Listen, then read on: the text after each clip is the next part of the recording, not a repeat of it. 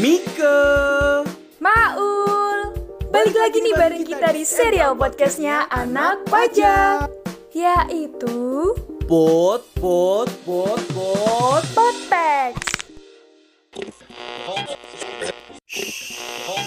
Warning alert. This podcast is specially designed from us for you. It may inspire and motivate you. So stick around and keep listen. Here it is. Lorong Kontemplasi.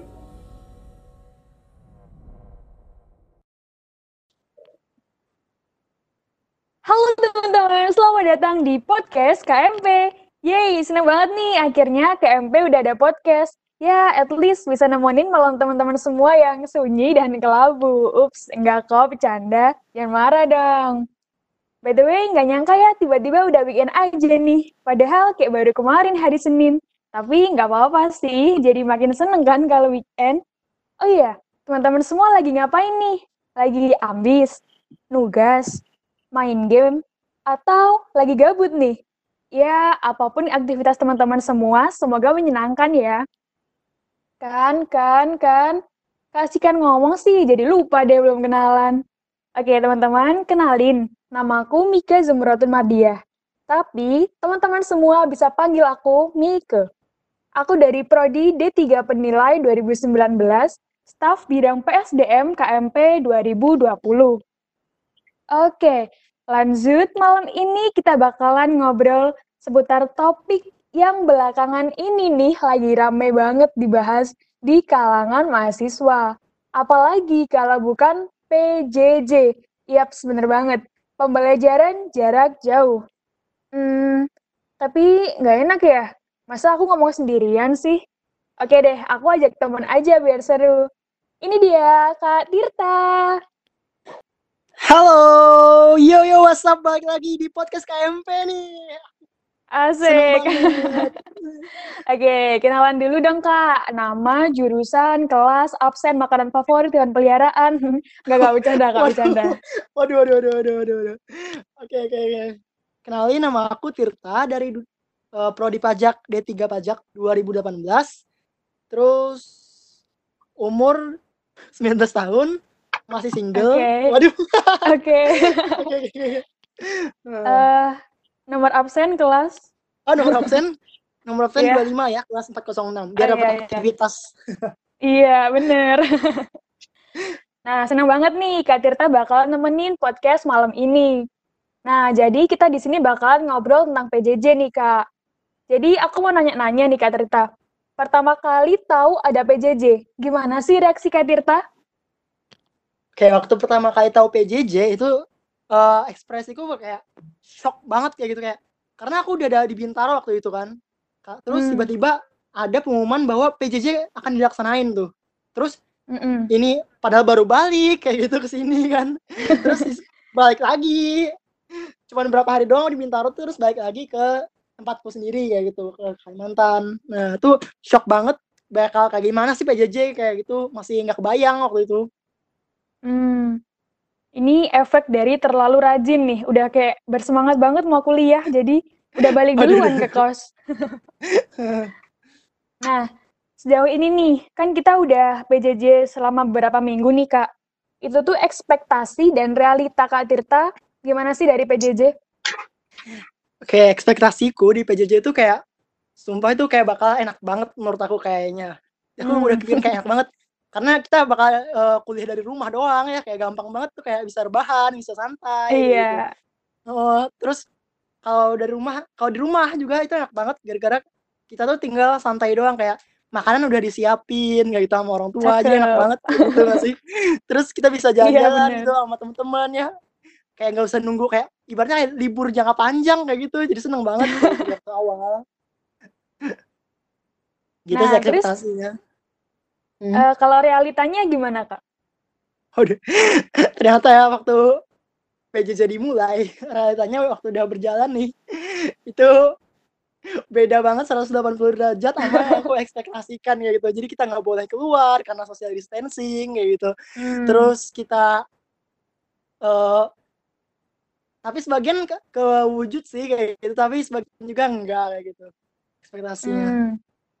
Nah, ini nih Kak. Next aku bakalan nanya tentang lebih banyakkan suka atau dukanya, Kak? Hmm, kayaknya lebih banyak dukanya deh. Aduh. Ntar deh, kita bahas yang senang-senangnya dulu. Kalau sukanya tuh apa sih, Kak? Oke, sukanya tuh kita tuh kuliah kan eh, santai gitu kayak bisa sambil rebahan kayak gitu tadinya.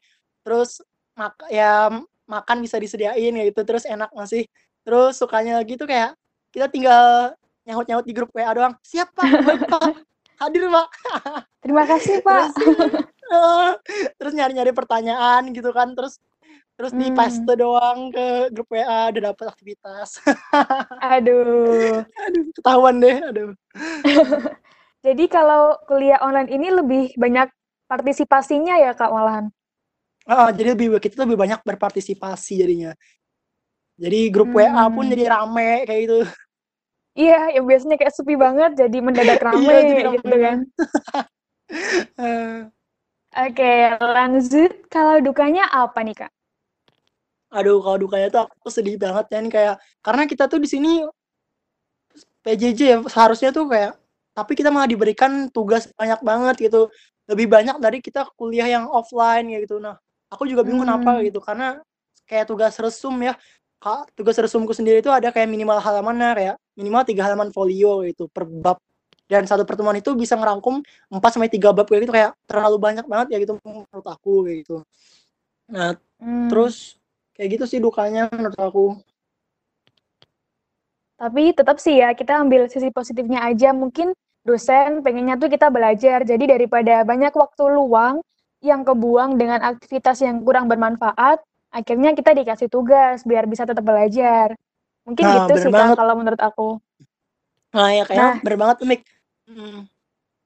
Jadi kalau seputar kuliah online nih, Kak, yang bikin aku jadi penasaran banget. Kak Tirta kan Wita ya. Nah, padahal kita kuliah tuh pakai waktu Indonesia Barat. Itu tuh ada nggak sih kendala tersendiri buat Kak Tirta?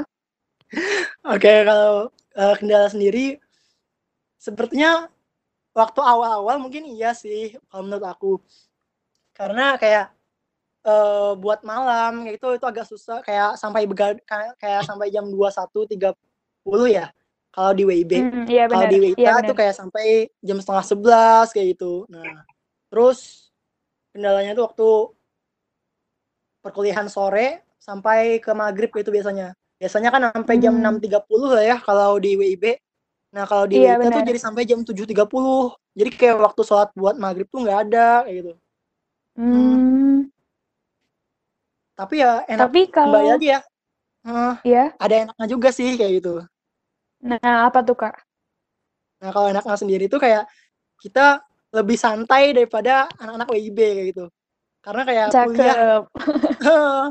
apalagi sekarang kan hmm, enak banget tuh kayak jam 7.30 WIB mulai kuliah kita mulai kuliah di sini jam Mhm. 8.30 tuh jadi kayak masih bisa santuy-santuy kayak gitu ngumpulin tugas santuy juga kayak satu jam lebih Hmm. lama kayak gitu Iya benar benar benar. Nah, Jadi bisa lebih bangun siang dong. oh, jadi santai lah kayak gitu Nah, itu kan tadi dari sisi positif negatifnya Kak Tirta di daerah Wita, sedangkan kuliahnya di BIB ya, Kak. Nah, terus Kak Tirta sendiri tuh lebih ngerasa enjoy dengan metode kuliah yang offline atau online, Kak?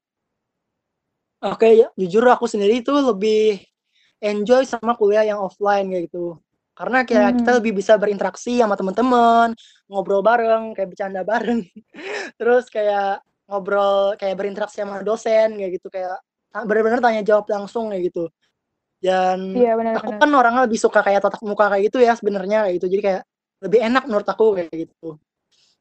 Nah Hmm. terus eh, mungkin kalau waktu offline itu juga kayak ada bikin deg-degannya juga kayak gitu kayak waktu mau kuliah eh kok ini kayak telat? Kayak gitu udah telat gitu. Ada harus lari-lari ke kelas ya kayak gitu.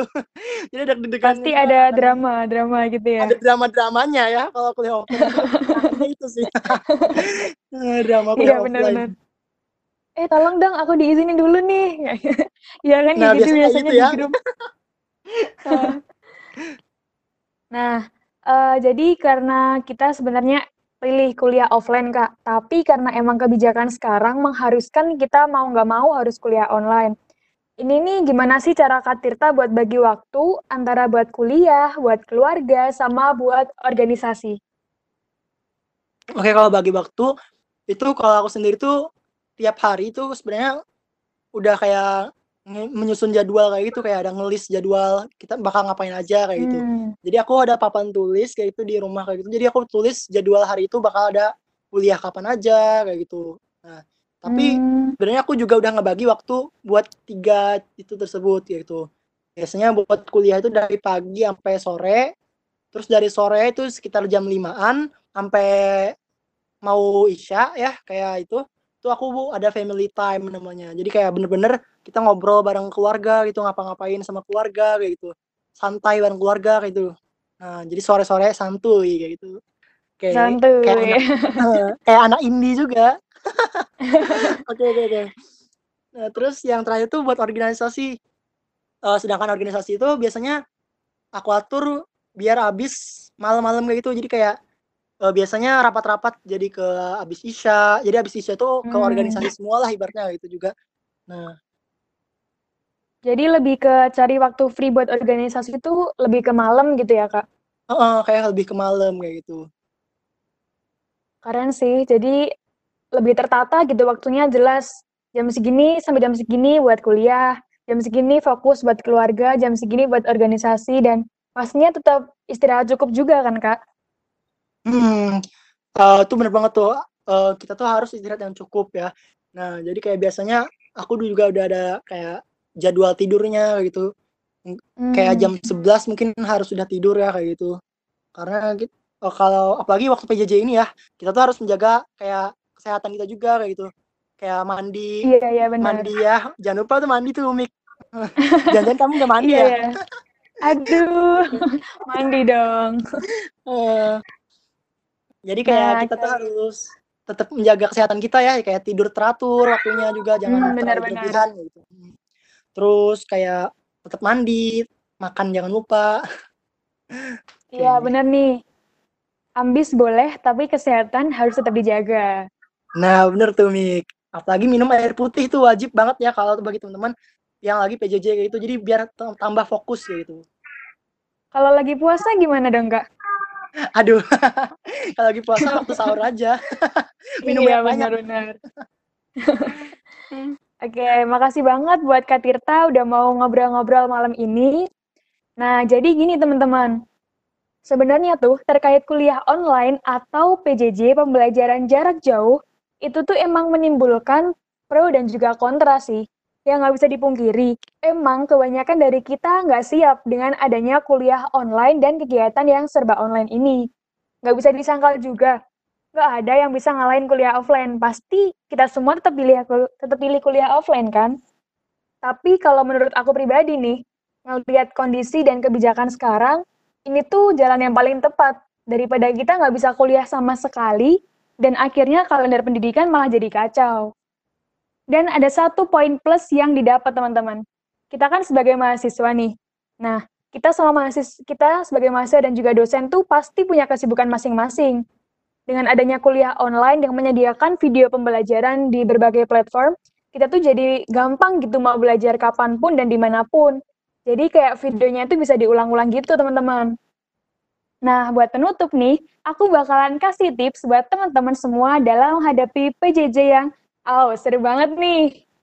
Yang pertama, jangan lupa baca RPS dan pelajari dulu bahan ajar dari dosen. Yaps, ini tuh membantu banget teman-teman. Biar kita tuh tetap nyambung waktu dosen lagi jelasin. Yang kedua, pastiin sarana yang dipakai buat PJJ udah siap dan nggak terkendala sinyal. Jadi biar nanti di tengah-tengah PJJ tuh kita nggak heboh dan panik gara-gara nggak ada sinyal kayak gitu. Nah yang ketiga nih, kayak yang udah diomongin sama Kak Tirta, ini opsional tapi cukup penting menurut aku. Usahain buat tetap mandi sebelum PJJ, karena mandi itu bisa bikin badan jadi fresh loh teman-teman. So, pasti kita jadi semangat buat belajar kan? Nah, terus yang keempat nih, jangan menunda-nunda ngerjain tugas. Ini nih bad habit kita. Ingat nggak teman-teman? Lebih cepat tuh lebih baik loh. Kemudian, last but not least, selalu bersikap sopan kepada dosen.